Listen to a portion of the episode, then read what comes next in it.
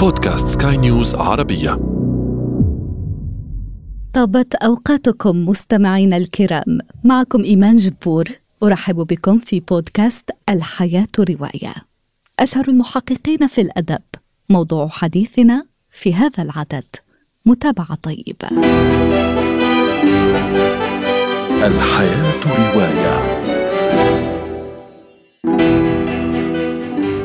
ينبغي على الإنسان أن يكون شديد الدهاء مع الخبيثين من وصايا الأديب الروسي فيودور دوستويفسكي في الجريمة والعقاب وبدون دهاء المحققين كانت جرائم كثيرة بقيت بدون عقاب Sherlock Holmes.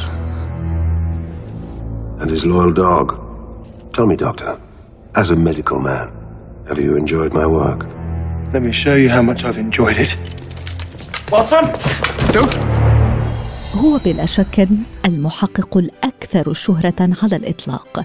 شيرلوك هولمز الذي رأى النور بقلم سير آرثر كونان دويل عام 1887 تاريخ صدور رواية A Study in Scarlet.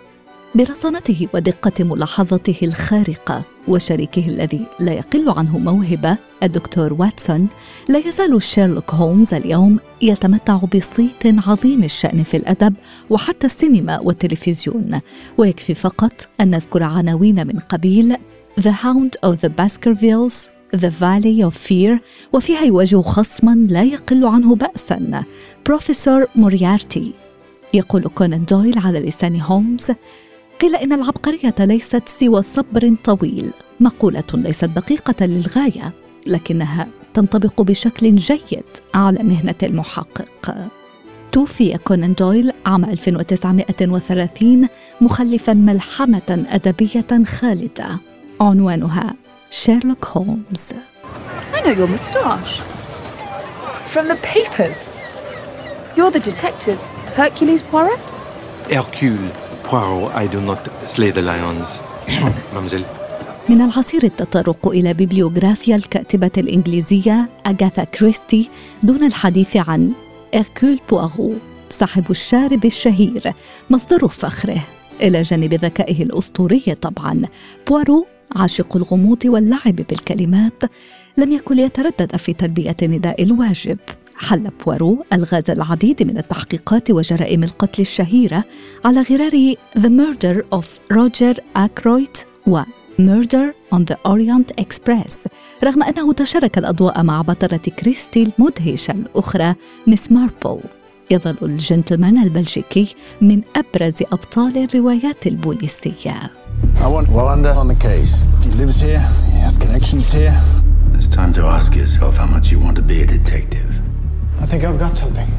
Hugo's murder was carefully choreographed to look a certain way. To escalate the immigration conflict. ومن بلاد الصقيع الإسكندنافي جاءنا العام 1991 التشيف إنسبكتور كورت والندر بطل سلسلة الروايات البوليسية للكاتب السويدي هينينغ مانكل. في أكثر من عشر روايات يستطيع والندر اختراق أكثر الجرائم تعقيدا كما يخترق طائر الضباب الكثيف في الريف السويدي. من خلال شخصية والندر يحاول مانكل تفكيك حيثيات الجنوح العنيف في المجتمع السويدي والذي لا يستثني حتى المحقق بنفسه. والندر معروف بدوره بنوبات غضبه وعصيانه لأوامر رؤسائه في بعض الأحيان. محققنا هذا ليس مثاليا لكنه بلا جدال عبقري في ميدانه. شغفه بالتحقيق لا يتفوق عليه سوى شغفه بالأوبرا.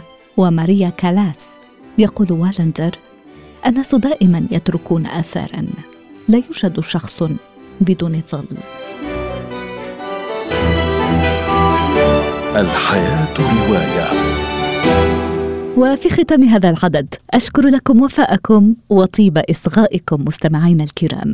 بإمكانكم تحميل هذا البودكاست عبر منصات أبل وجوجل وغيرها حيث بإمكانكم أيضا ترك آرائكم وتعليقاتكم ومقترحاتكم.